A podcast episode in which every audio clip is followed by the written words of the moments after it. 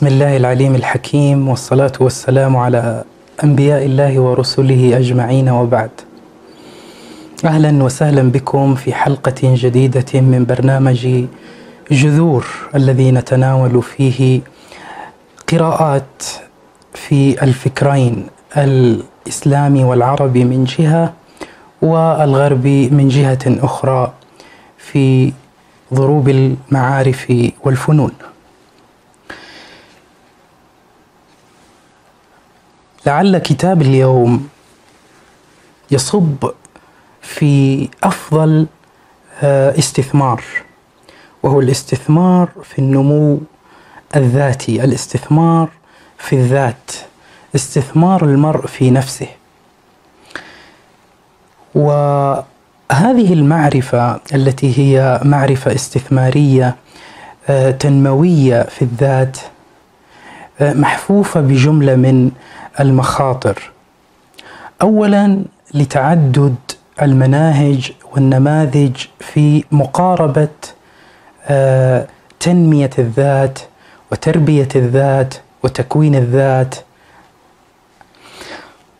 والأمر الآخر هو أن الكتاب الذي سنطرحه اليوم آه، تم تلقيه في المجال التداول العربي ضمن ما يسمى بالمعرفة التنموية البشرية.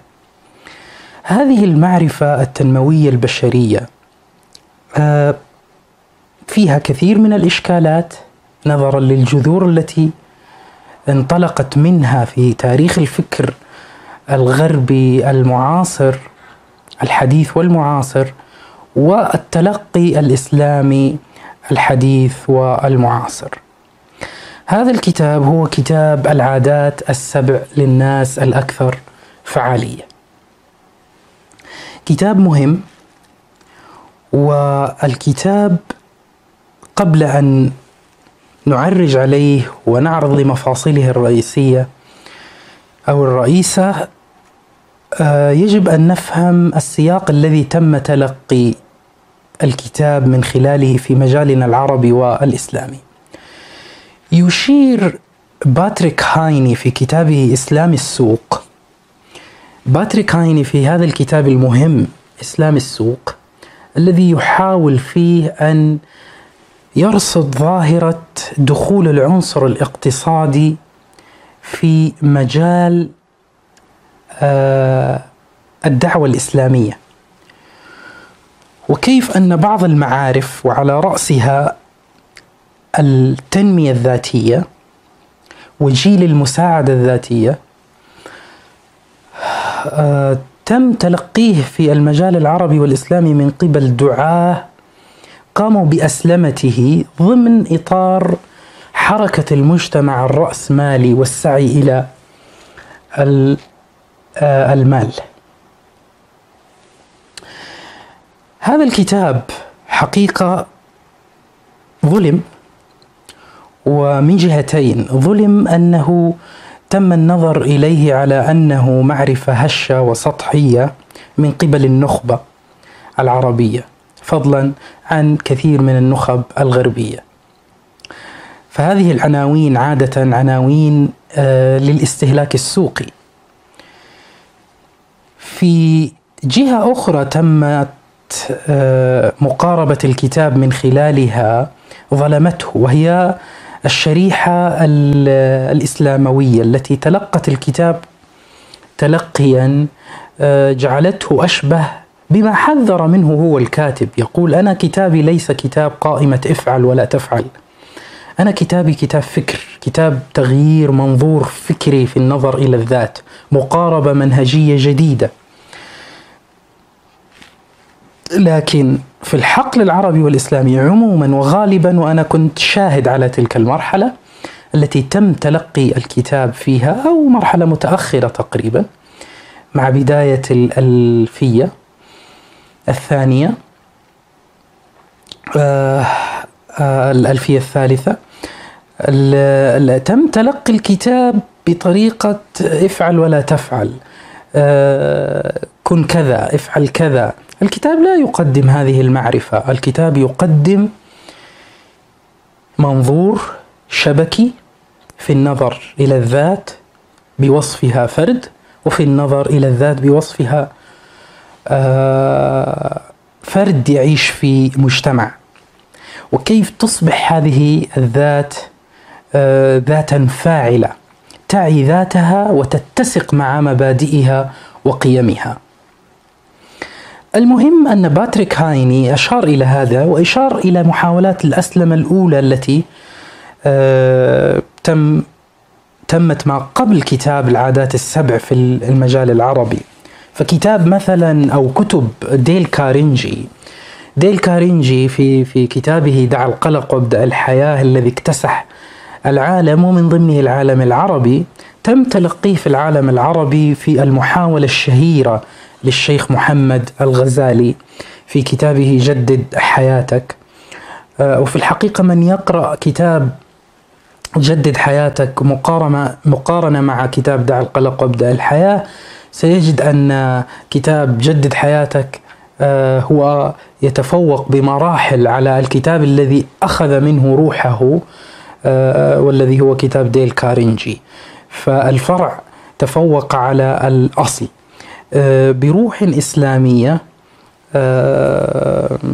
عند الشيخ محمد الغزالي. كذلك من المحاولات التي باتريك هايني يرصدها يقول أنه أيضا محمد أحمد الراشد آه، ويشير أيضا أظن إذا إلى كتابه صناعة الحياة كان أيضا ضمن هذه المحاولات محاولات آه، بلورة مفاهيم الإدارة وال management آه، والمساعدة الذاتية والمفاهيم النفسية ضمن الإطار العربي والإسلامي. لكن والحق يقال أن من يقرأ كتاب محمد الغزالي جدد حياتك الذي استلهم روحه من ديل كارينجي في كتابه دع القلق وابدأ الحياة وكتاب آه، محمد أحمد الراشد صناعة الحياة سيجد فارقا كبيرا بين الأدبيات المطروحة في الساحة الإسلامية والعربية حول بين قوسين ما يسمى أسلمت آه، المفاهيم النفسية وجيل المساعدة الذاتية وبينها. فالغزالي والراشد آه، تشبعوا بالمعارف الإسلامية قرآنا وحديثا وأصولا ولغة لا مقارنة بين لغة الراشد ولغة الغزالي بين بينهما من جهة ومن جهة أخرى بين آه، ما يسمى بال الوسط التدريبي الذي قدمت فيه مفاهيم كتاب العادات السبع عربيا وإسلاميا. ابدا لا مقارنة. ثم أن الغزالي وأقصد الغزالي السقا الغزالي الصغير المعاصر آه، ومحمد أحمد الراشد آه، يقدمون معرفة فيها نزعة تجديدية وفيها أصالة آه، تراثية. هذه الأصالة فيها معيار مهم جدا وهي أنها لا تنطلق وبداخلها عقدة النقص من هذا الغرب الذي نستقي منه أي معرفة كانت. هناك روح يشير إليها الراشد صراحة ويشير إليها الغزالي في كتبه. روح الاستعلاء الإيماني روح الروح المفعمة بالانتماء إلى منظومة آه، ومنظور فكري كلي وشمولي يرى أنه لا مانع أن نستفيد من المنظورات والمنظومات الأخرى المطروحة في الوسط العلمي والوسط المعرفي البشري لكن أننا نملك نحن المنظور ونملك آه، المفهوم ونملك نظاما شموليا في الحياة فرديا واجتماعيا. هذا هو السياق الذي أحببت أن أفتتح به الحديث حول كتاب العادات السبع للناس الأكثر فعالية لستيفن كوفي. وهو كما يشير غلاف الكتاب دروس فعالة في التغيير الشخصي. لابد هنا أن نقدم بمقدمات بين يدي كتاب العادات السبع للناس الأكثر فعالية. اولا أن هذا الكتاب يقرأ بنفسية خاصة. آه، يقرأ بنفسية كما أشرت سابقا أنه ليس الهدف من هذا الكتاب أن يفتح ويقرأ فيه قائمة من افعل كذا ولا تفعل كذا. قم بكذا ولا تقم بكذا كما هو المتداول في آه، الوسط التنموي أو جيل المساعدة الذاتية. الجيل المساعدة الذاتية ذاته عليه إشكالات في الوسط الغربي أصلا. آه، سيما أنه اختلط بما يسمى بالبرمجة اللغوية العصبية التي عليها كثير من الإشكالات وليس هذا محل البت آه، في جدليتها. وإنما نحن نستقي ونعرض لهذا الكتاب باعتباره نموذج من نماذج علم النفس الجديد. علم النفس الجديد يجب أن نشير إلى أنه نشأ من أحضان علم النفس الحديث أو مدرسة التحليل النفسي الفرويدي. لكنه تجاوز مدرسة التحليل النفسي بمفاهيم جديدة سيما في العالم الجديد أقصد به الولايات المتحدة الأمريكية الذي آه، ألف فيه هذا الكتاب ونشأ فيه ستيفن كوفي. آه، ذي الخلفية المسيحية من طائفة المورمان وهو متدين و آه، يعني له منظومة دينية ينتمي إليها وله ولاء لها ومخلص إليها. لكنه لا يؤكد ويدخل القارئ والدارس في تفاصيل آه، دينية معينة آه، صوابا أو خطا ضلالا أو هداية. وإنما يشير إلى ما سنأتي إليه لاحقا في آخر عادة. إلى أهمية البعد الروحي في الإنسان. فأهمية البعد الروحي كعامل تجديد وكعامل توازن نفسي كما سنشير لاحقا. يشير إليه إليها المؤلف. آه لن أتحدث كثيرا عن ستيفن كوفي كشخص لكن يهمني الكتاب فوقتي محدود بدقائق معدودة. علم النفس الجديد آه كتب سيلجمان فيه كتاب السعادة ومفاهيمه أو المفهوم المركزي لعلم النفس الجديد هو أن العلم أن علم النفس طوال تاريخه آه البشري آه، عني بالأمراض عني بالاضطرابات. لكن جاء علم النفس الجديد ممثلا بتيار آه، الجيل المساعدة الذاتية ومن رؤوسه ستيفن كوفي وسيلجمان وغيرهما آه، يشيرون إلى أهمية عدم التمحور والتمركز حول قضايا الاضطراب والأمراض. وإنما يجب أن نستبق هذا كله وندخل إلى الحديث والدراسة والفهم إلى سمات الحياة الطيبة بالمفهوم الإسلامي لكن مفهوم السعادة أو أخلاقيات السعادة بالمفهوم الغربي الأفلاطوني إلى جيل المساعدة الذاتية. عبر مفاهيم الأمل عبر مفاهيم التفاؤل عبر مفاهيم العلاج بالعمل إلى آخر هذه المفاهيم التي هي لا تتمحور حول قضايا الاضطرابات النفسية والسلوكية التي تحتاج إلى علاج معرفي سلوكي cognitive therapy. فهذا المفهوم العام الذي نكتفي به حول الفرق بين علم النفس الجديد الذي يصب كتابنا فيه وعلم النفس عموما الذي هو يعنى بعلم النفس المرضي غالبا. آه، المقدمة الأخرى التي نشير إليها وهي من أهم المفاتيح المركزية في كتاب العادات السبع. آه، هو مفهوم سلطة النماذج الإدراكية في قيادة الذات أو قوة المنظور الفكري. يقول ستيفن كوفي أن أن المنظور الفكري يحركنا. المنظور الفكري يجعلنا نتحرك بشكل كبير في حياتنا. القضية ليست سلوكا يتم تحريكه هنا أو هناك. لا.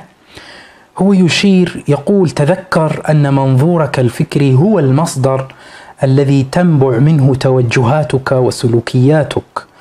والمنظور الفكري يشبه النظارة التي تؤثر على طريقة رؤيتك لكل شيء في حياتك. فإذا نظرت إلى الأشياء من خلال المنظور الفكري للمبادئ الصحيحة سترى من العالم أمورا مختلفة عما ستراه لو نظرت من خلال أي منظور فكري يتمحور حول شيء معين. الفكرة المركزية في الكتاب والتي هي مطلع الكتاب ويخصص لها صفحات طويلة هي يقول أن التغيير في الحياة الذاتية والفردية يبدأ من تغيير النموذج. الذي يسميه آه، الدكتور عبد الوهاب المسيري النموذج الفكري. يسميه آه، ستيفن كوفي المنظور الفكري ويسمى ال paradigm الذي هو النموذج ويسمى كذلك آه، المحدد الرئيسي ويسمى ويسمى كذلك نقطة الارتكاز. كلها أسماء لمسمى واحد وهو النموذج الذي يحركني أو الذي سنصطلح عليه وهو اصطلاح المؤلف وغيره كثير. وكتبت في مفهوم النموذج فكريا وفلسفيا كتب كثيرة.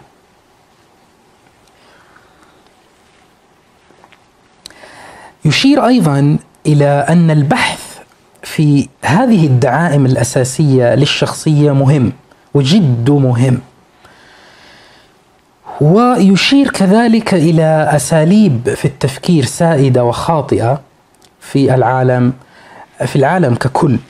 ذكر منها تسعة آه، نماذج. آه، ذكر تسعة نماذج آه، في من أساليب التفكير في النماذج الفكرية الخاطئة. فهو يشير اولا إلى نموذج الشعور بالخوف وانعدام الأمن. يقول أنها مشكلة عالمية. ويشير أيضا إلى آه، الرغبة في تحقيق الذات الآن وهنا وأنها مشكلة ونموذج تفكير سائد. ويشير أيضا إلى تمثيل دور الضحية الإنسان الذي يمثل دور الضحية أنه نمط من أنماط التفكير سائد. ويشير أيضا إلى اليأس وأنه حالة عامة وسائدة في الكوكب.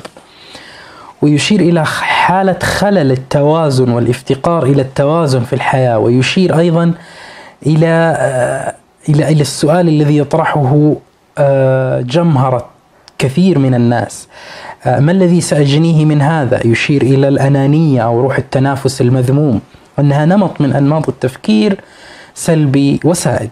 يشير أيضا إلى غياب فن الإصغاء ويشير إلى شيوع روح الصراع والخلاف والرغبة في الفوز يشير إلى غياء إلى إلى غلبة نمط آه، الركود الرباعي في الجسم والعقل وإهمال الحياة الروحية والعاطفية. إلى آخر هذه الأمور التي يشير إليها وهي أنماط ونماذج تفكير سلبية وسائدة يحاول أن يقدم لنا ستيفن كوفي مقاربة في تجاوزها عبر هذا الكتاب المهم.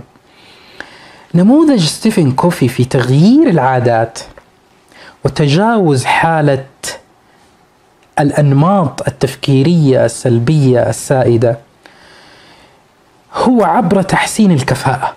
الأداة هي عبر تحسين الكفاءة أو الفعالية الشخصية التي تتم عن طريق تحسين التفكير تحسين التفكير.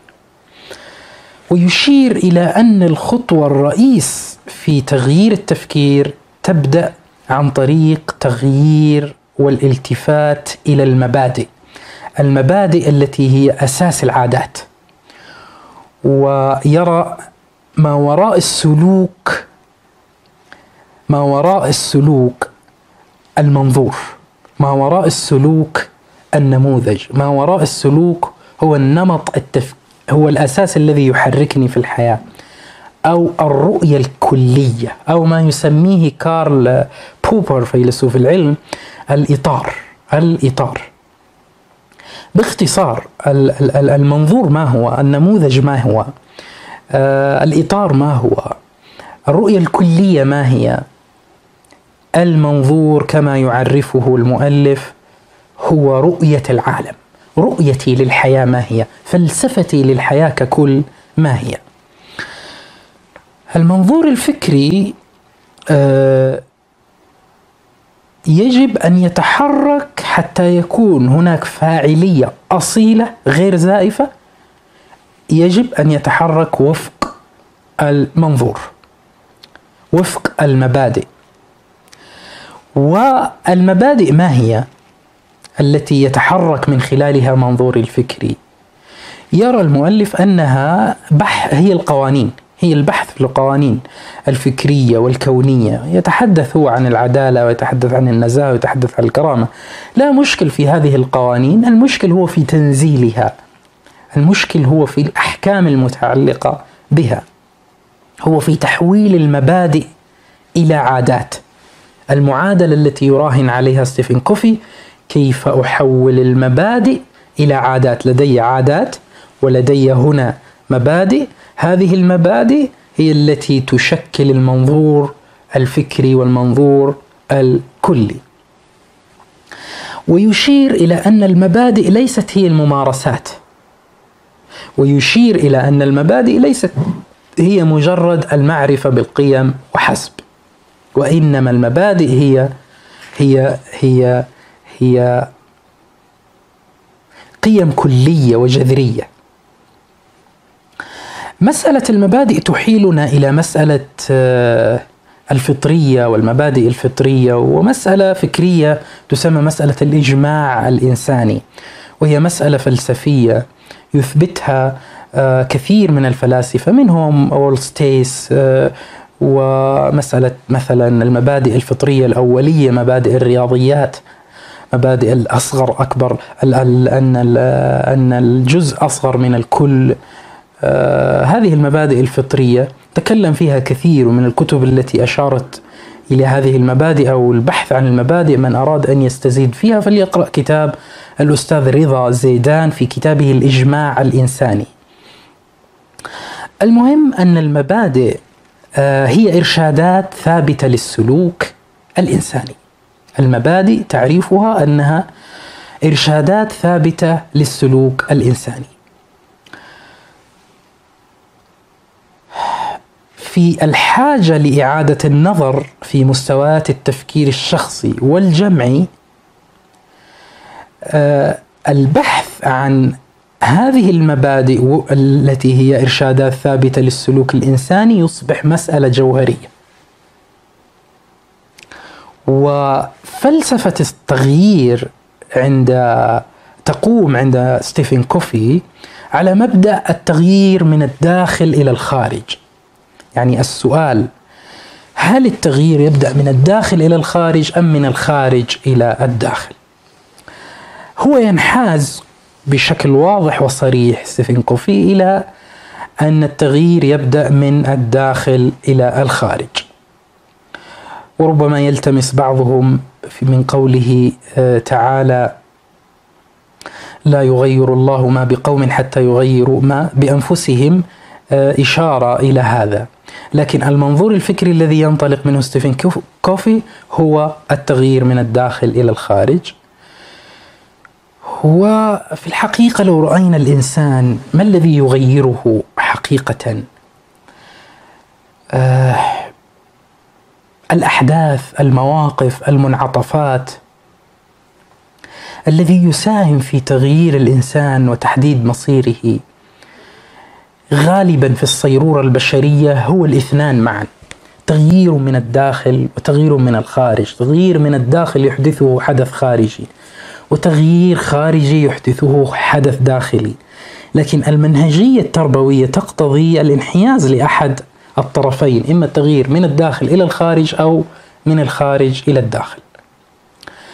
ولا شك أن ستيفن كوفي في انحيازه الفكري للتغيير من الداخل إلى الخارج آه، مصيب مصيب تربويا.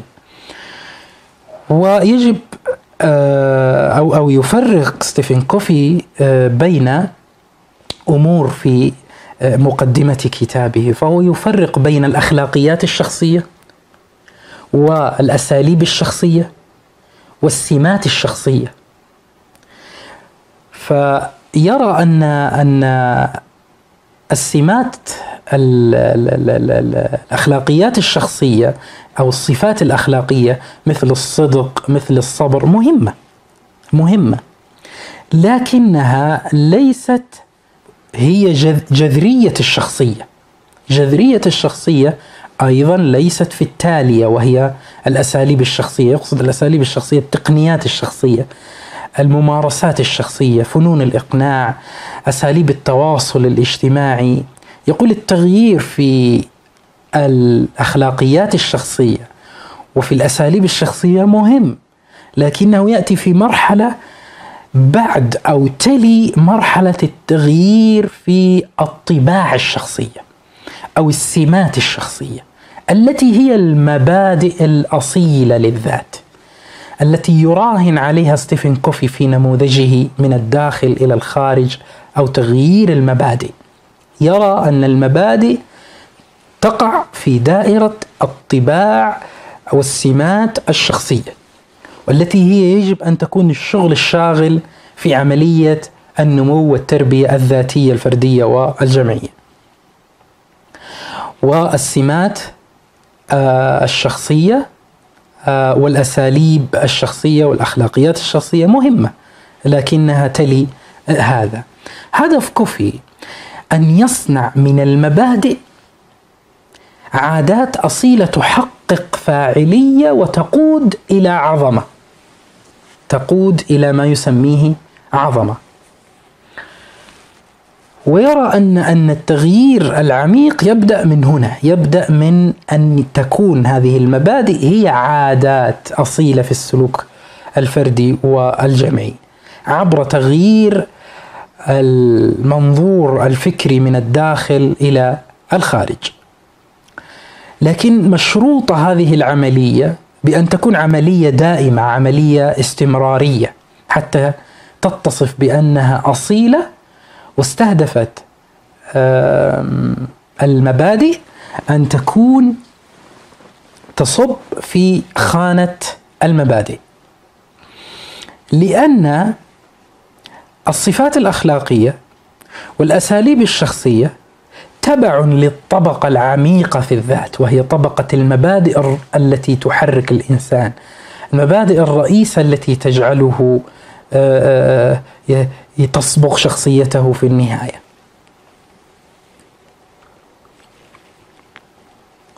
لماذا يراهن ستيفن كوفي في كتابه على العادات وجعلها عنوانا لكتابه؟ هو يراهن على قضية العادات في بناء الشخصية أن العادات هي لب الشخصية. إذا تغيرت العادات عبر جذر المبادئ فإننا سنصوغ شخصية فاعلة إيجابية شخصية ذات سلوك فاعل وإيجابي. ويعرف العادات بأنها نقطة التقاء معرفة الإنسان أو معارفه ومهاراته وحاجاته. معرفة الإنسان ما الذي آه، أريد والمهارة كيف أفعل هذه الأشياء والحاجات ماذا أريد أو الرغبة أو الدوافع فالعادات هي عبارة عن معارف مهارات رغبات ودوافع تحرك الإنسان في حياته.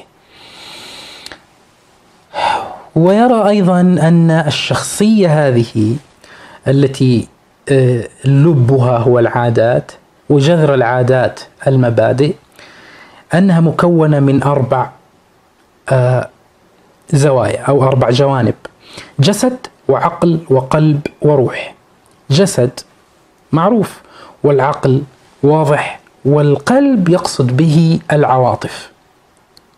ثم الروح يقصد به الجانب الإيماني أو الجانب الشعوري.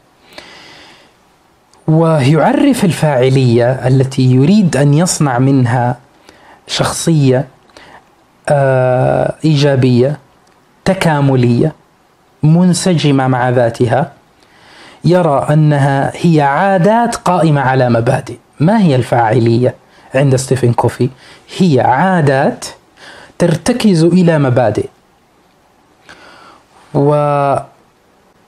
وتحدث كذلك في المقدمات عن ان ان ان أن الاصول الاصول الأصول ثلاثة أصول بشرية وأصول مالية وأصول مادية. وهدفه الذي جعله حاضرا طيلة الحديث في العادات التي يريد أن يغرسها وفق المبادئ لتكون منظورا فكريا في الإنسان هو يعني الهاجس هاجس أن أن يخلق إنسانا متوازنا.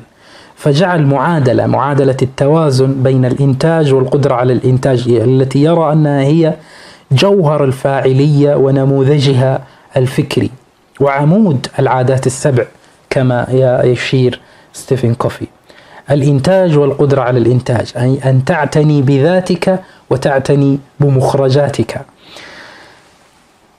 فهو يطبقها من عالم الاقتصاد إلى عالم السلوك البشري. ندخل إلى العادات السبع. هذه كانت مقدمات وتعريفات ومصطلحات لا بد منها لفهم الكتاب. ولا بد منها لفهم الكتاب. لأن الكتاب يقرأ مرة ومرتين وليس مرة واحدة آه، وإنما يقرأ ويتدارس وهذا الكتاب من المهم البناء عليه والتنويع آه، منه. آه، وسأشير في الخاتمة إلى أهمية هذه القضية.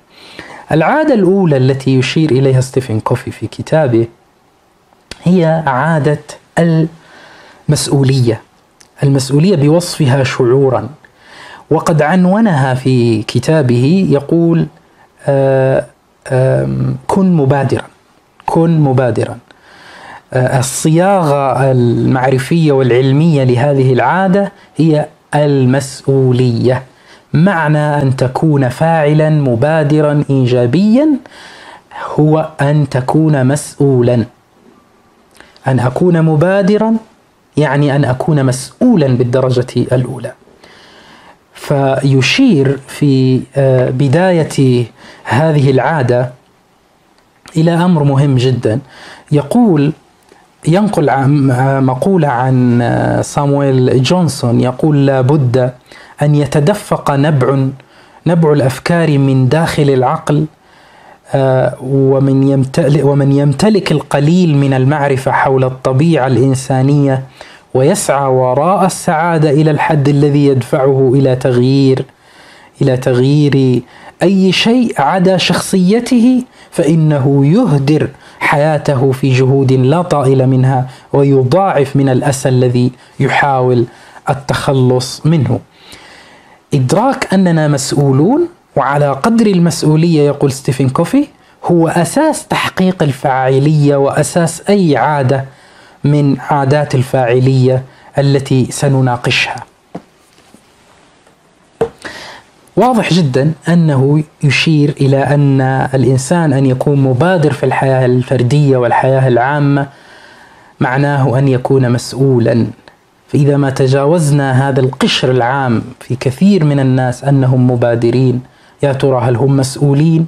عامل الزمن كفيل بأن يمحص هذا الفرد هل هو لديه الشعور بالمسؤولية شعورا اصيلا أم لا؟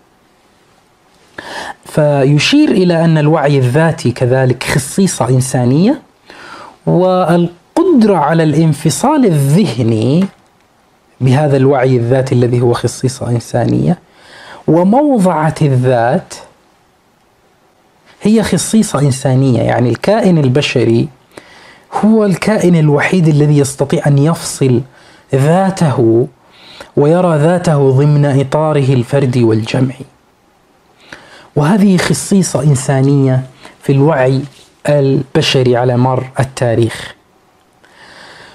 يشير وينقل نص عن عالم النفس الإنساني الكبير النمساوي ثم الأمريكي إريك فروم. أظنه من كتابه المجتمع السوي. يشير إلى أزمة رؤية الذات من مرآة المجتمع. كيف يرى الإنسان ذاته؟ كيف يرى نفسه. فيشير إلى نص وهو من النصوص التي أحبها. يقول يقول إريك فروم وهو أفضل من لاحظ جذور وثمار الأساليب الشخصية. هذا النص عنونته بنقد الحياة الرأسمالية. يقول أصبح إنسان اليوم يتصرف مثل الإنسان الآلي الذي لا يعرف نفسه ولا يفهمها. والشخص الوحيد الذي يعرفه هو الشخص الذي من المفترض أن يكون عليه. والذي حلت لديه الدردشة عديمة المعنى محل الحديث التواصل العميق وحلت ابتسامته المصطنعة محل الضحكه الراقية التي تخرج من القلب واستبدل بالألم الراقي احساسا من اليأس الممل.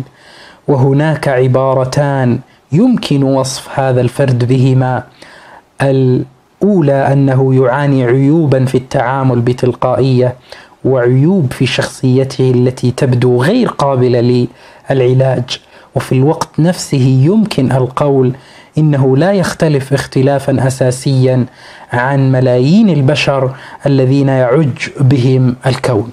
هذه عبارة إريك فروم التي ينقلها ستيفن كوفي حول رؤية الذات من مرآة المجتمع فقط وأنها تهدد وتضرب عمق الشعور والإحساس بالمسؤولية. تحدث عن الخرائط الاجتماعية أو الحتميات الثلاث يقول أن هناك منظورات فكرية آه للإنسان. فهناك الحتمية الوراثية أنك حصاد جيناتك. يعني كثير من الناس يرى أنه شعور يولد كثير من آه الإحساس بال بالشعور بالضحية. ودور الضحية يكون متولد عن الشعور بالحتمية الوراثية هي أن الإنسان حصاد لجيناته. آه، وهذه نزعة موجودة آه، في الفلسفة الطبيعية. ترى أن الإنسان حتى من الناحية السلوكية ما هي نزعة متطرفة هو حصاد لجيناته. ولكن الدراسات إلى الآن لم آه، تجزم ولم تقطع بهذا.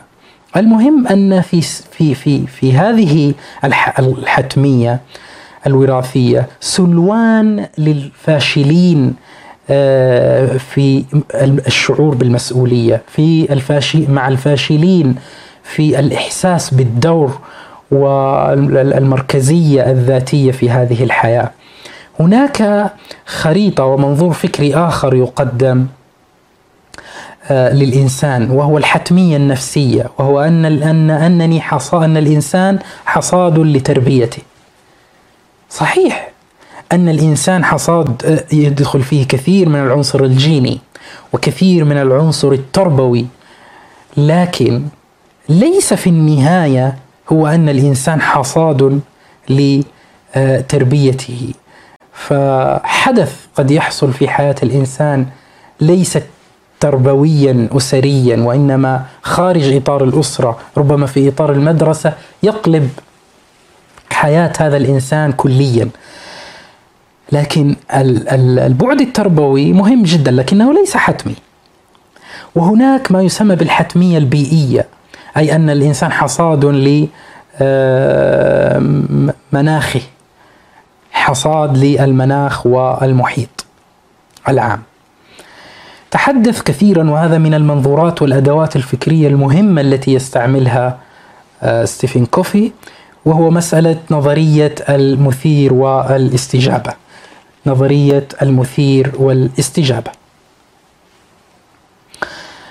نظرية المثير والاستجابة عند ستيفن كوفي آه، يتحدث وهنا تعريفات قريبة مفهوم الإرادة، مفهوم الضمير، مفهوم الخيال، حرية الاختيار حرية الإرادة إيجاد المعنى عبر الإدراك الذاتي يرى ستيفن كوفي ان أن الشرط شرط الإدراك آه، الملاحظة والفعل.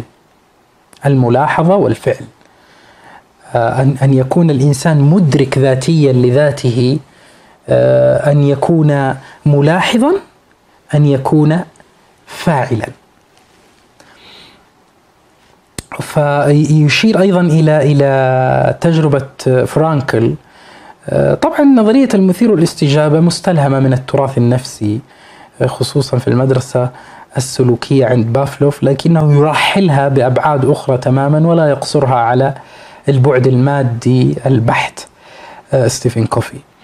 يشير إلى تجربة فيكتور فرانكل مؤسس العلاج الوجودي أو العلاج بالمعنى أو العلاج الفلسفي ويستلهم منه كثيرا ويشير إلى أن هناك ثلاثة قيم في الحياة هناك ما يحدث لنا وهناك ما نصنعه. وهناك الاستجابة التي تحدث بين هذا وذاك. ويعرف المبادرة ويعرف الاستجابة أنها هي المسؤولية. أن المبادرة هي المسؤولية وأن تجد البدائل عبر القرارات لا الاستسلام للظروف. فمسؤولية الذات عند ستيفن كوفي هي مسؤولية هي هي الشعور هي إيجاد البدائل عبر القرارات. مسؤولية الذات عند ستيفن كوفي هي إيجاد البدائل عبر القرارات.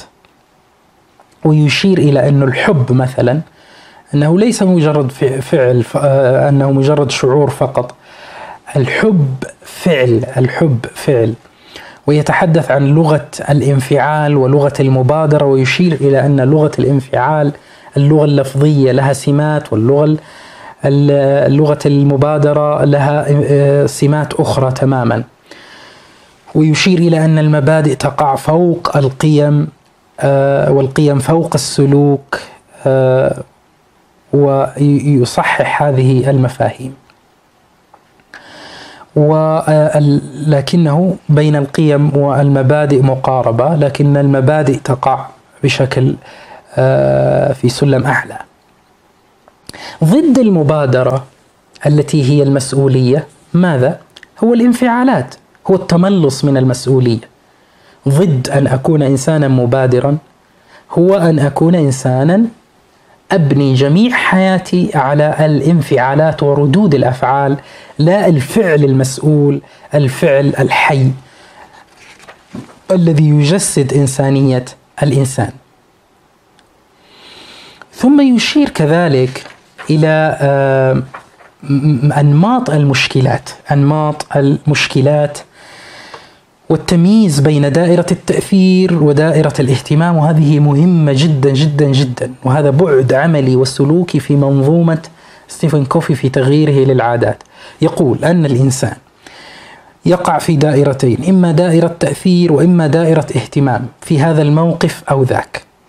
أنا أتعرض لموقف ما. السؤال هل هذا الموقف هو في دائرة ما أسميه أنا دائرة قدرتي وهي الدائرة الضيقة أم دائرة عدم قدرتي وهي الدائرة الواسعة؟ إن كان في دائرة قدرتي سأشكل سلوكا مسؤولا وأبادر بفعل تجاهه. فعل وعي.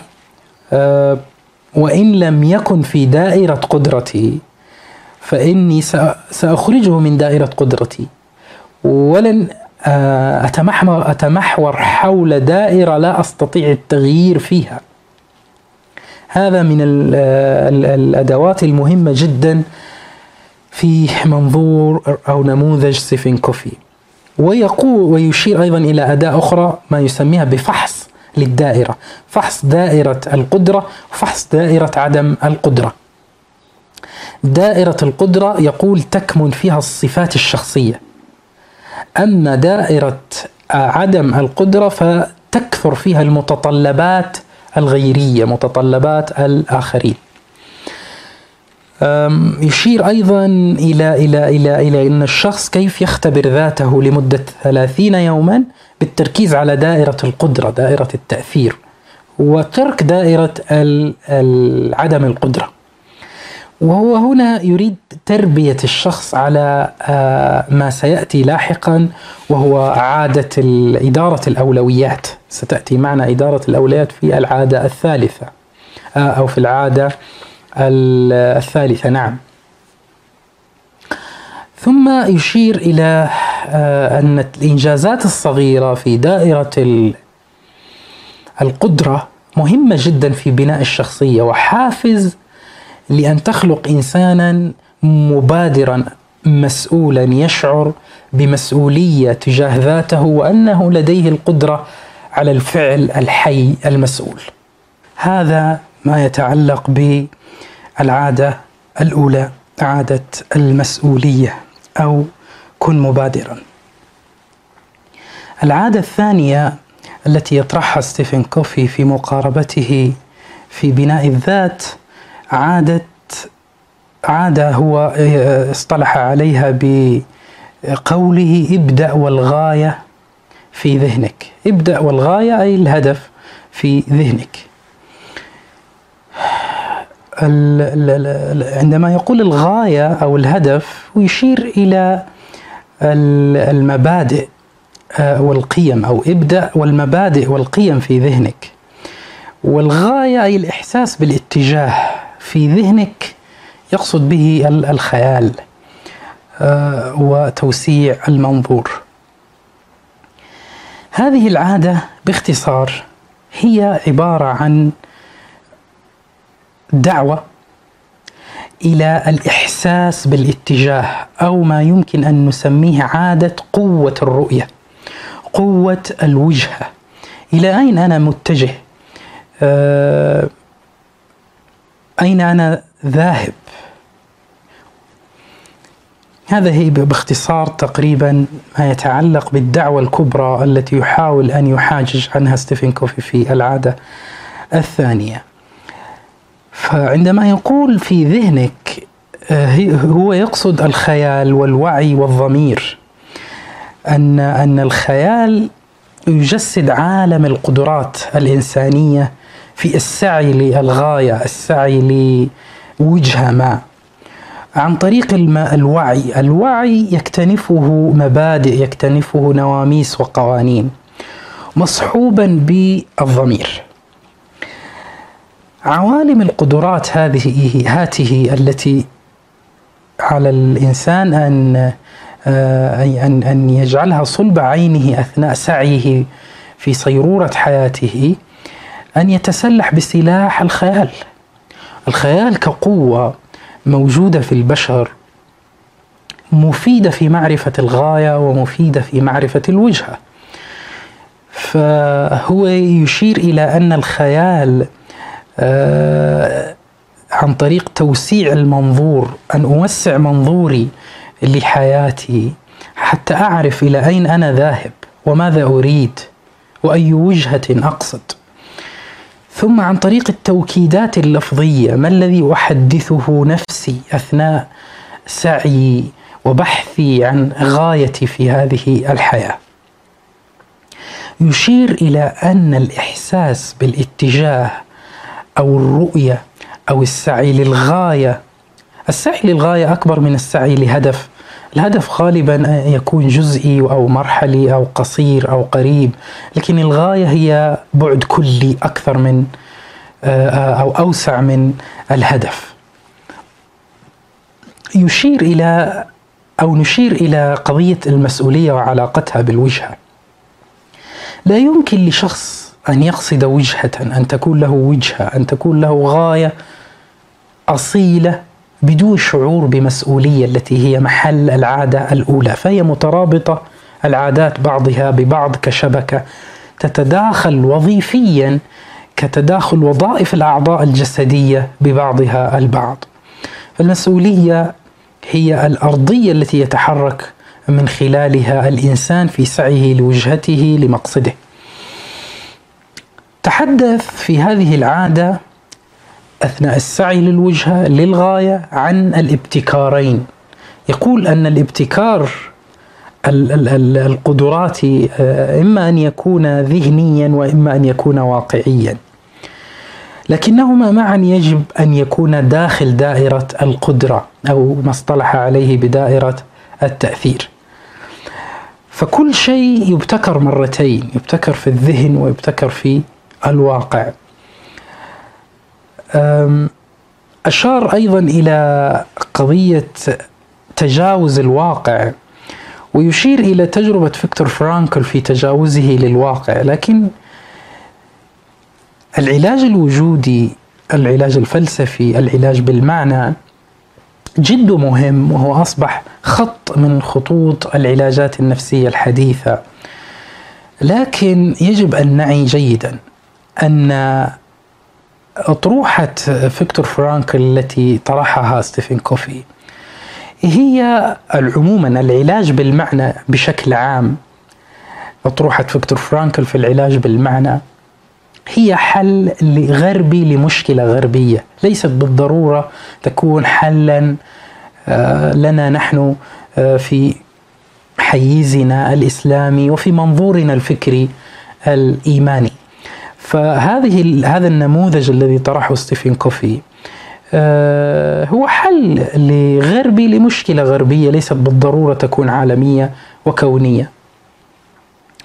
ودوما يجب أن نعي أثناء القراءات آه، في الكتب الغربية أن نعي نسبية آه، نسبية الأمثلة ونسبية النماذج وبل نسبية حتى المنظور الذي ينطلق منه الشخص.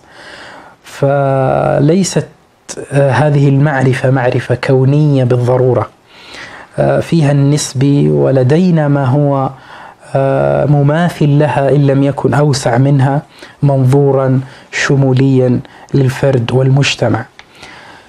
تحدث أيضا عن العوامل الأربعة لدعم الحياة، تحدث عن قضية الحكمة والشعور بالأمن والقوة والإرشاد أنها تدعم دائرة القدرة أن أن الحكمة تدعم دائمة القدرة الإرشاد القوة الأمن مفاهيم مركزية في هذه الدائرة. أه، تحدث أيضا عن خطورة التمركز أو التمحور حول النماذج. وتكلم عن عن أهمية فحص المبادئ المستمر فحص المراكز وكيف أنها تحرفك غالبا عن الاتجاه يعني أنا إن لم أكن دوما أفحص مبادئي ونقطة الأساس والارتكاز أو الوجهة العامة فإنني سأضيع عن عن عن وجهتي الأساسية التي أقصدها.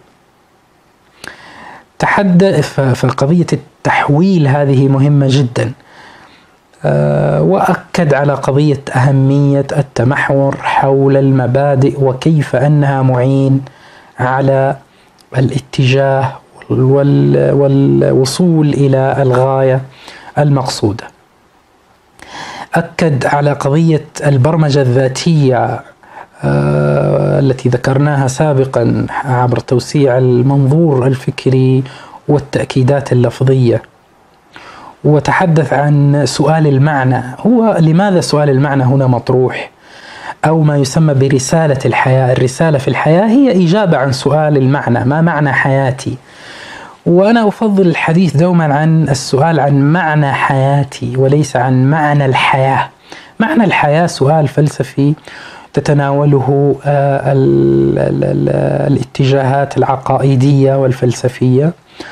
وأما معنى حياتي فهو محل حديث آه، فيكتور فرانكل لكنه استشهد بمحل آه، حديث ستيفن كوفي لكنه استشهد بفيكتور فرانكل الذي قلنا أن العلاج بالمعنى هو علاج وحل غربي لمشكلة غربية ليست بالضرورة. لنا. فنحن لنا منظومتنا ومنظورنا الإيماني للحياة. فضلا عن تفاصيل هذه الحياة. تحدث أيضا أخيرا عن الأدوار والأهداف. كيف أن الإنسان له أدوار؟ أنا دوري كأب أنا دوري كصديق أنا دوري كموظف أنا دوري ك عضو في مجتمع أنا دوري كمواطن أنا دوري هذه كلها أدوار. أشار ستيفن كوفي إلى أهمية تحديدك هذه الأدوار وتحديد أهدافك في كل دور. أنا دوري كأب ماذا؟ تجاه أبنائي. أنا دوري كموظف ماذا؟ تجاه مهامي وأوصافي الوظيفية. أنا دوري كمواطن ماذا؟ تجاه آه، دوري كمواطن وعضو فاعل وإيجابي في مجتمع ما. هذه مهمة جدا آه، هذه العادة. العادة الثالثة هي عادة آه، عنونها المؤلف بقوله ابدأ بالأهم ثم المهم. وعنونها بكتاب وسع فيه هذه العادة شرحا وتنويعا وتفصيلا وما إلى ذلك. المؤلف ذاته ذاته في كتابه إدارة أو الأولويات هو شرح وبسط آه، في لهذه العادة. هذه العادة أنا أحب أن أعنونها بعنوان أصولي إسلامي أصولي فقهي أقصد وليس أصولي بالمعنى آه، الإيديولوجي. آه، أعنونها بفقه الأو... بإدارة الأو... هو عنونها بإدارة الأولويات في كتابه. أنا أعنونها بفقه الأولويات. فقه الأولويات الذي تحدث عنه كثير من المعاصرين. منهم الدكتور محمد الوكيلي في فقه الأولويات دراسة في الضوابط بمنظور إسلامي إيماني وأيضا محمد شحاتة في كتابه الفذ وهو رسالة دكتوراه في الولايات المتحدة الأمريكية إدارة الوقت بين التراث والمعاصرة. كتاب ضخم متوفر على الإنترنت. في توسيع وربما يتفوق على ستيفن كوفي هو وهذا الكتاب فقه الأولويات. في حديثه حول هذه العادة عادة إدارة الأولويات وكيف يدير الإنسان أولوياته في حياته اليومية بين مهم وبين أهم. تكلم آه ستيفن كوفي في مطلع هذه العادة.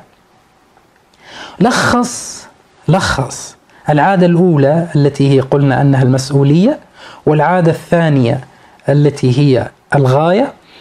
بقوله أنت المبتكر أي أنت الذي ابتكرت غاية إذا أنت المسؤول. يشير إذا إلى إلى الكوجيتو الديكارتي أنا أفكر إذا أنا مسؤول. فهو يقول أنت المبتكر إذا أنت المسؤول. العادة الثالثة هي التطبيق والتفعيل للعادتين الأولى والثانية. أهمية إدارة الأولويات. بمعنى أنا أصبحت مسؤولا أدركت الغاية التي أريد. أتى دور كيف أدير أولوياتي ومهماتي في أدواري وأهدافي؟ تحدث عن الأجيال الأربعة لإدارة الوقت ونقدها آه، في في علم الإدارة. وتحدث آه، عن مصفوفة إدارة الوقت وتطويرها وتحدث عن الأولويات المتوازنة. وتحدث عن أداة مهمة وهي أداة المربع. مربع أشار إليه ومربع المهم والعاجل والمهم غير العاجل وغير المهم العاجل وغير المهم وغير العاجل. وتحدث عن التنظيم الأسبوعي وفق نموذج إدارة الأولويات الذي طرحه. ويرى أن أفضل تنظيم للأولويات هو ضمن إطار الأسبوع وليس إطار اليوم. وتحدث عن مهارة ضمن إدارة الأولويات مهمة جدا وهي مهارة التفويض وبنوعيه التفويض الساعي والتفويض بالوكالة.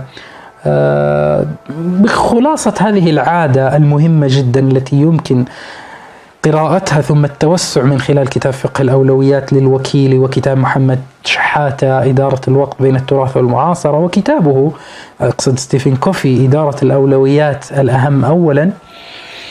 الخلاصة أن العادات السبع كلها منطوية في هذا المربع الذي أشرت إليه وهو مربع المهم غير العاجل المربع الثاني.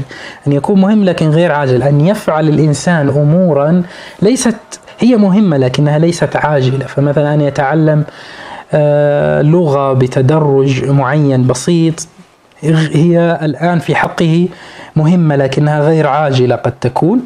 لكنها على المدى البعيد ستنتج له تفوق وتميز وفاعلية لأنها ليست في مربع الطوارئ الذي هو مربع المهم والعاجل خلاصة آه، هذه العادة آه، هو موضوع كيف تدير أولوياتك. وفق أي منهج تدير أولوياتك إداريا أسريا مجتمعيا فكريا ثقافيا أيا كان.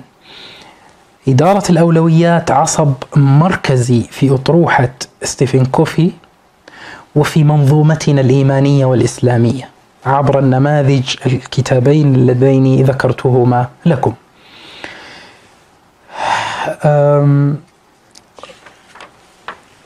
هذه ما يتعلق بالعادة الثالثة. العادة الرابعة آه، عنونها المؤلف بالعادة يقول أنها العادة الرابعة عادة أفكر في المنفعة المتبادلة. يقول فكر في المنفعة المتبادلة. التفكير في المنفعة المتبادلة وأنا عنونتها بقوة التشارك. قوة التشارك. هو ينتقل العادات الثلاث الأولى جعلها فردية أو ما سماه بالنصر الشخصي عادات النصر الشخصي. أنا أحب أن أسميها بعادات الفاعلية الفردية. آه، والعادات الأخرى عادات الفاعلية الاجتماعية. فأولى العادات عادات الفاعلية الاجتماعية آه، عادة التفكير في المنفعة المتبادلة التي عنونتها بقوة التشارك قوة المشاركة مع الآخرين. تحدث في هذه العادة عن المنظور الفكري للشراكة مع الآخرين. وتكلم عن أداتين مهمتين في تحقيق الشراكة مع الآخرين. أهمية بنك المشاعر أو العواطف وأنه عامل رئيسي في النجاح الاجتماعي وأهمية الاستقلال الذاتي أثناء هذا التشارك. فالتشارك يشير ويؤكد إلى أنه لا يمحو الاستقلالية الذاتية بل جعله عصب من آه، عصبي أحد عصبي النجاح في الاجتماعي أثناء عملية المشاركة. فيما يتعلق ببنك العواطف تحدث عن ما سمى أسماه بإيداعات بنك العواطف تحدث عن فهم الفرد تحدث عن العناية بالتفاصيل الصغيرة حتى أكون ناجح اجتماعيا. تحدث عن الوفاء بالعهود وعدم خلف المواعيد أو خلف المواعيد. وتحدث عن فهم التوقعات أو ما يمكن أن نسميه بقوة الوضوح. أن أن آه، أن تكون لدي آه، قوة في فهم التوقعات من الآخرين. تحدث أيضا عن مبدأ الأمانة، تحدث عن مبدأ الصدق. أنه مبدأ رئيس في التعامل مع الآخرين. وأخيرا تحدث عن فن الاعتذار. وأنه فن رئيسي لنجاح الشخص مع الآخرين. تحدث أيضا عن آه، قوانين الحب أو قوانين الحياة فهو طبقها ووسعها في الجانب الأسري في كتابه العادات السبع الأسرية تحدث عنها بشكل آه، تفصيلي أكبر. آه، تحدث أيضا عن المنظورات الفكرية الستة للتفاعل الإنساني يقول هناك أثناء الشراكة مع الآخرين والتعامل الآخرين ست منظورات إما أن أكسب وتكسب إما أن أخسر وتخسر إما أن أكسب وتخسر إما أن نكسب يكسب طرف واحد إما أن يخسر طرف ويكسب طرف آخر إما أن نكسب جميعا أو لا نتفق جميعا. هذه يعني مناهج في التعامل مع الآخرين بعض الآخرين منطقه في التعامل مع الآخرين. أنا أكسب آه، وأنت تخسر. النجاح لديه يساوي كما يقول فالح الصغير في أحد كتبه يقول أن بعض الناس النجاح نجاحه يساوي خسارة الآخرين. هذا منظور فكري أشار إليه ستيفن كوفي. تحدث أيضا عن إدارة المواقف وهو موضوع كبير الحديث فيه ذو شجون. تحدث أيضا عن الأبعاد الخمسة للاعتماد التبادلي. يقول أن الشخصية يجب أن يرتكز فيها ثلاثة أشياء.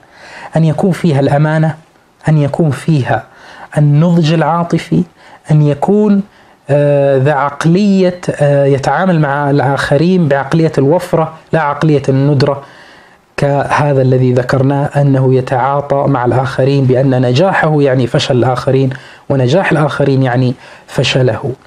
فمرتكزات الشخصية في التعامل مع الآخرين والنجاح الاجتماعي يجب أن تتوافر فيها الأمانة النضج العاطفي عقلية الوفرة لا عقلية الندرة. وبعد العلاقات وبعد الاتفاقات التي ذكرناها وبعد الأنظمة التي تتم آه، عن طريقها هذه العملية والأبعاد. وأخيرا العمليات أي آه، العناصر التي تتم عن طريقها طريقة التشارك مع الآخرين. تحدث في العادة الخامسة عن آه، السعي للفهم أولا. يقول اسعى إلى فهم الآخرين أولا ثم اسعى إلى أن يفهموك. حقيقة في هذا في هذه العادة هو يتحدث عن التواصل عن فن الإصغاء. يتحدث عن التشخيص أنه يكون قبل العلاج قبل العلاج. تحدث أولا عن الأنواع الأربعة للتواصل. يقول نحن نتواصل كبشر مع بعض إما بالقراءة وإما بالكتابة وإما بالتحدث وإما بالإنصات. يقول القراءة والكتابة والتحدث أشبعت ويتم الاهتمام بها في في التكوين المدرسي والتكوين الكتاتيبي. لكن الإنصات فن لا نتعلمه في المدارس البتة. فيقول أنه فن آه، غائب. ولذلك أكد عليه ويقول أنه هو المفتاح للنجاح الاجتماعي في فهم الآخرين قبل أن يفهموني. فتحدث عن الإنصات التعاطفي. مستويات الإنصات. أولا أن يكون هناك تجاهل أن يكون ثانيا أن يكون هناك تظاهر بالإنصات ثالثا أن يكون هناك إنصات انتقائي وثم أن يكون هناك إنصات يقظ أو تركيز. والخامس وهو المستوى الذي يطمح إليه آه، مؤلف الكتاب وهو الاستماع التعاطفي أي أن يكون بنية الفهم. وهذا الاستماع التعاطفي له أركان. أولا ركنين. الركن الأول الغوص في المنظور الفكري للطرف المقابل أي أن هناك عقل. وثانيا تفهم الشعور للطرف الآخر قلب. فالاستماع التعاطفي هو عمل عقلي يغوص في المنظور الفكري للطرف الآخر وعمل قلبي يغوص في شعور الطرف الآخر. هذا التفهم الشعوري بالقلب للطرف الآخر يعمل فيه تعمل فيه الأذن وتعمل فيه العين والقلب. ثم تحدث ونقد الاستماع الانعكاسي ما سماه بالاستماع الانعكاسي النشط أو المحاكاة محاكاة المتكلم. محاكاة المتكلم إما بنية الراد أو بنية السيطرة أو بنية التلاعب بالموضوع أو إنهاء الموضوع. فيتحدث أن الاستماع التعاطفي هو كهواء نفسي. هو الهواء النفسي. ولا شك أن الاستماع التعاطفي هو هواء نفسي أصيل وحاجة رئيسة للإنسان في حياته من أقرب الناس إليه إما صديقا وإما شريكا. تحدث عن الاستجابات الانفعالية أثناء حديثنا وتواصلنا مع الآخرين. فأشار إلى أربع استجابات انفعالية.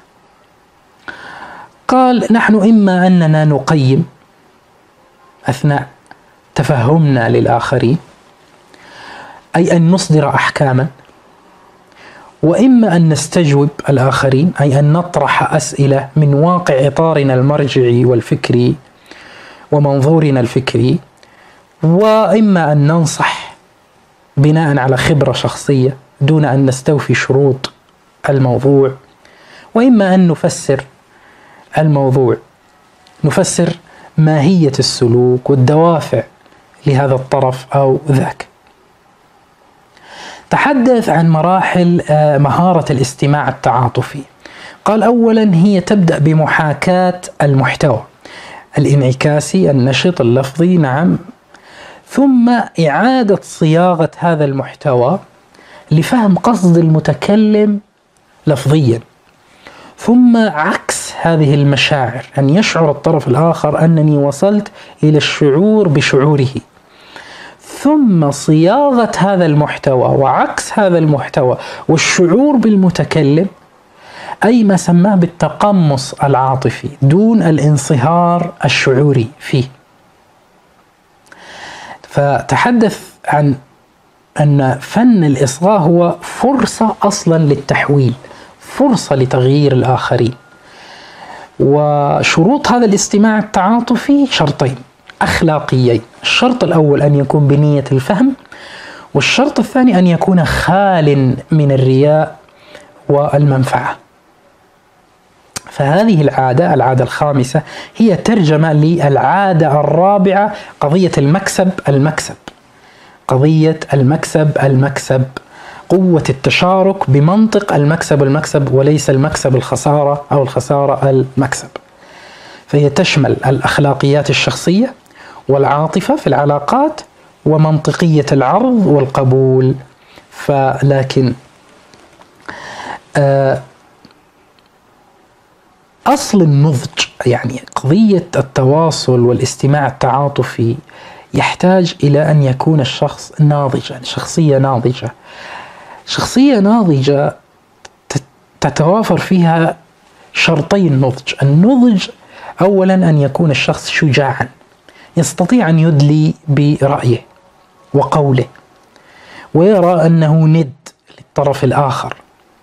الأمر الآخر في النضج مراعاة شعور الآخرين فهو صمام أمان لعدم الدخول في دوامة الكبر وتضخم الأنا فمراعاة شعور الآخرين لا يقل أهمية عن آه، الثقة والشجاعة في طرح عملية التشارك في أي موضوع.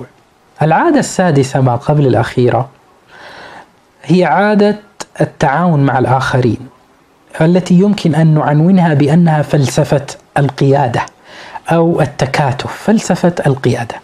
تقوم هذه العادة على مبدأ أن الكل أعظم من مجموع أجزائه. ولاحظوا أن هذه العادة هي عادات اجتماعية. آه، أن الكل أعظم من أجزائه. قوة الإبداع تكمن في التكاتف. زمن الشراكات المؤسسية. زمن آه، فرق العمل. أسباب عدم التكاتف أو آه، التكاتف الجزئي غالبا تكمن في عدة أمور. حاول أن يحصرها. ستيفن كوفي في أنها غالبا تكون بدافع حماية النفس الأساليب الدفاعية. وهذه تعالج بالانفتاح. حماية النفس أو النكوص على الذات يجب أن يعالج بقضية الانفتاح على الطرف الآخر حتى يحصل التكاتف والتعاون ونؤسس لفلسفة قيادة وفرص عمل آه، اجتماعية. والسبب الثاني عدم تقبل الغموض. دائما الشراكات البينية آه، فيها غموض. آه، عدم تقبل هذا الغموض يحجم الاشخاص أشخاص كثير عن أن يكونوا متكاتفين أو مبادرين اجتماعيا. لكن عدم تقبل الغموض يتم علاجه عن طريق احتضان المجهول.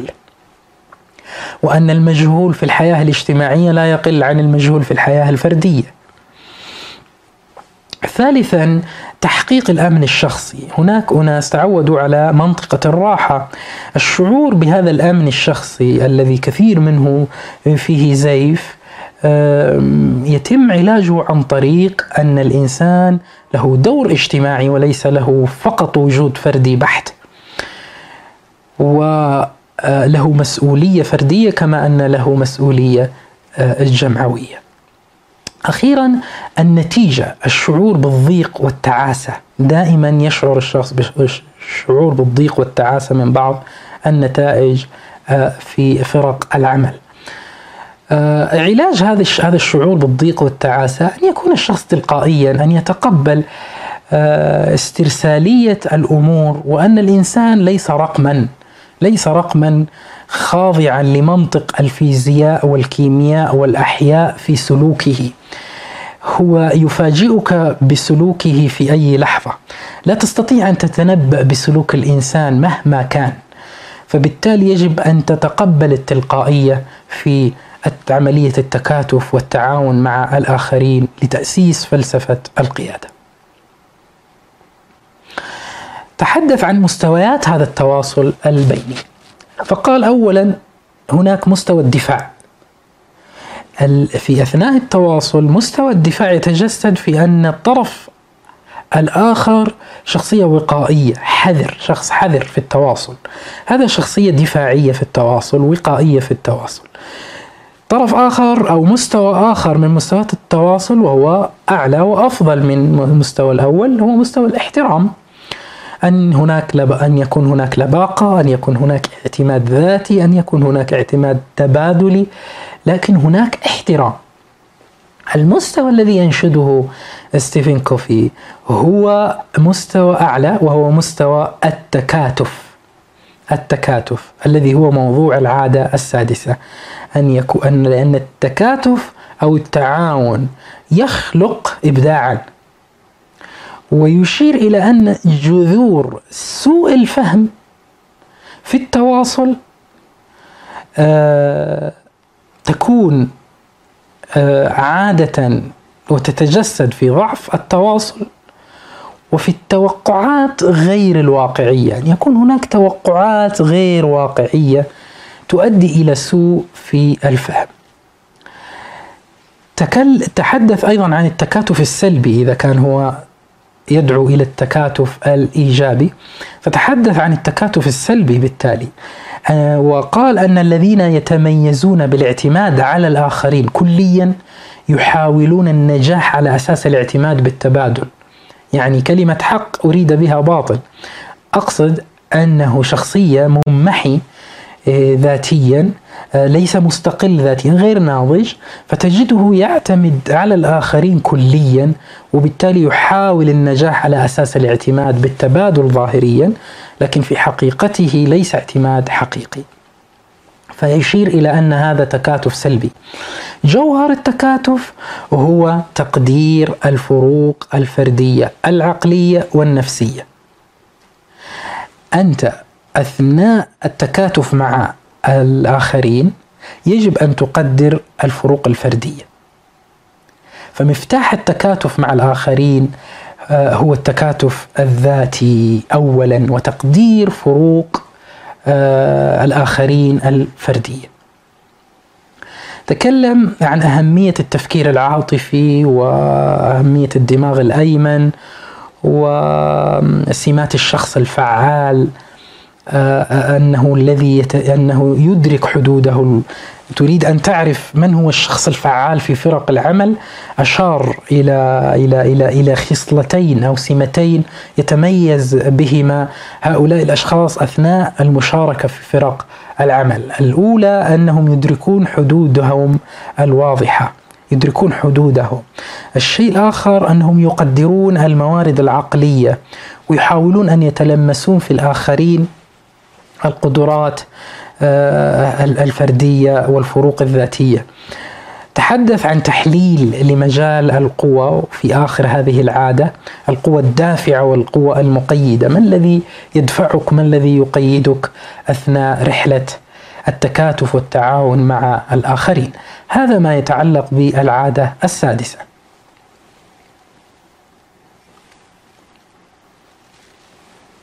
فيما يتعلق بالعادة الأخيرة عادة ما أسماه بشحذ المنشار وأنا أحب تسميتها عادة تجديد الدوافع أو ما أحب تسميته بفقه الموازنات.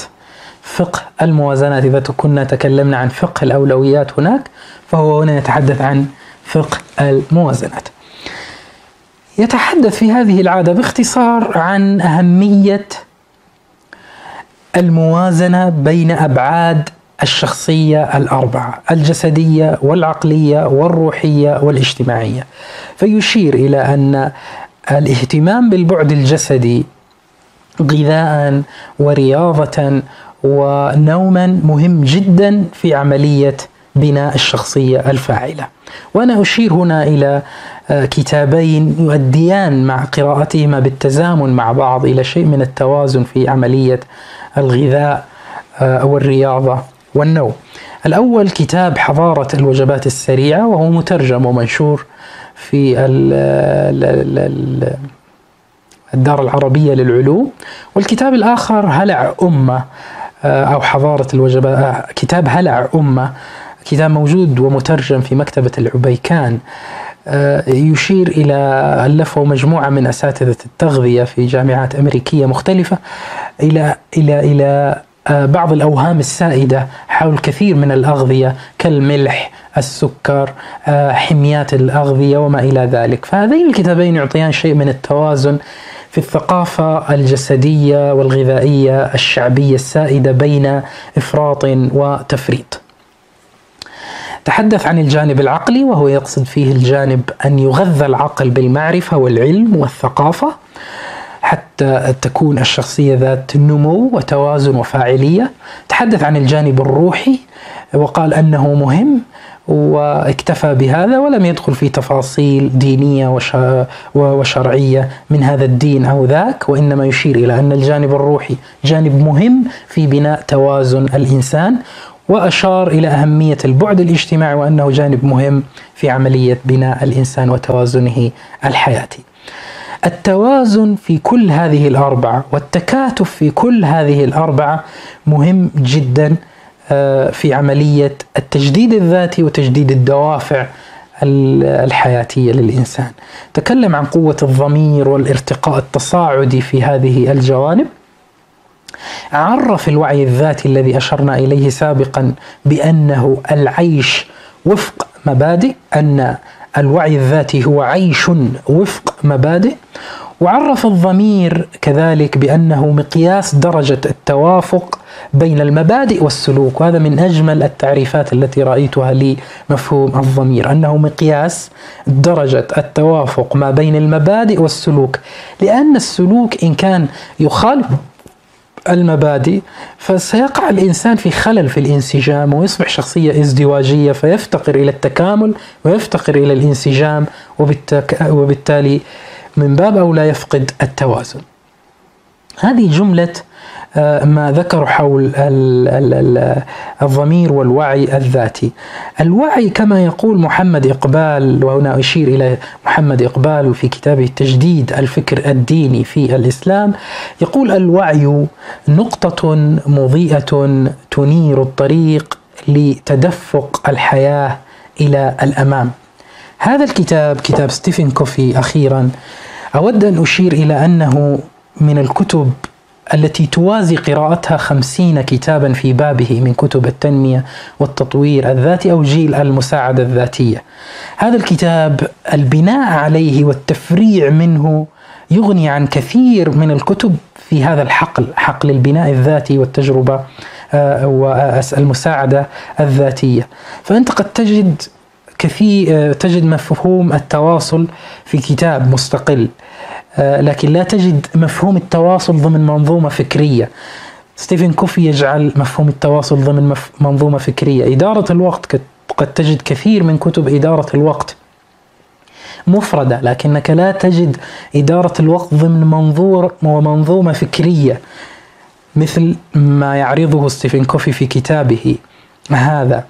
آه، قد تجد في العواطف والمشاعر كتب مفردة ربما أفضل مما ذكره ستيفن كوفي في كتابه هذا لكن ستيفن كوفي ميزته أنه يجعل قضية العاطفة والتجديد العاطفي والقلبي ضمن منظوم ومنظومة ومنظور فكري. فهذه أهمية كتاب ستيفن كوفي. أخيرا أسجل أن كتاب ستيفن كوفي هذا يحتاج إلى شيئين. يحتاج إلى مزيد من إغناء المحددات النظرية. أقصد تعميق مفهوم المنظور الفكري وفلسفة المنظور الفكري ومفهوم المثير والاستجابة مثلا. مفهوم التوازن والإنتاج والقدرة على الإنتاج.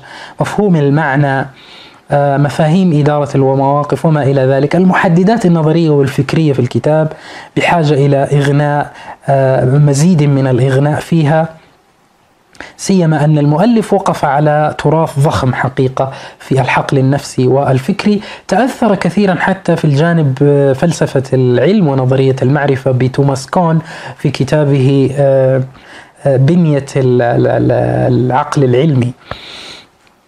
وغيره وفيتجشتاين في تحقيقاته الفلسفية وآخرين. يحتاج أيضا هذا الكتاب إلى تخصيب للتطبيقات. التي آه، ذكرها. فتخصيب التطبيقات الجديدة تنويعا وتوسيعا وتشجيرا ونقدا وما إلى ذلك مهم آه، جدا. وهذه تقريبا أهم آه، مفاصل الكتاب الذي أحببت أن أعرضه لكم ضمن نسيج الفكر الغربي عموما ومعالم الفكر الغربي في الجانب النفسي وتحديدا في في في في في علم النفس الإيجابي وآمل أن نعود مجددا إلى أعمال من هذا النوع وآفاق أخرى نفسية. شكرا لكم. نلتقي بحلقة جديدة بإذن الله من برنامج جذور. والسلام عليكم.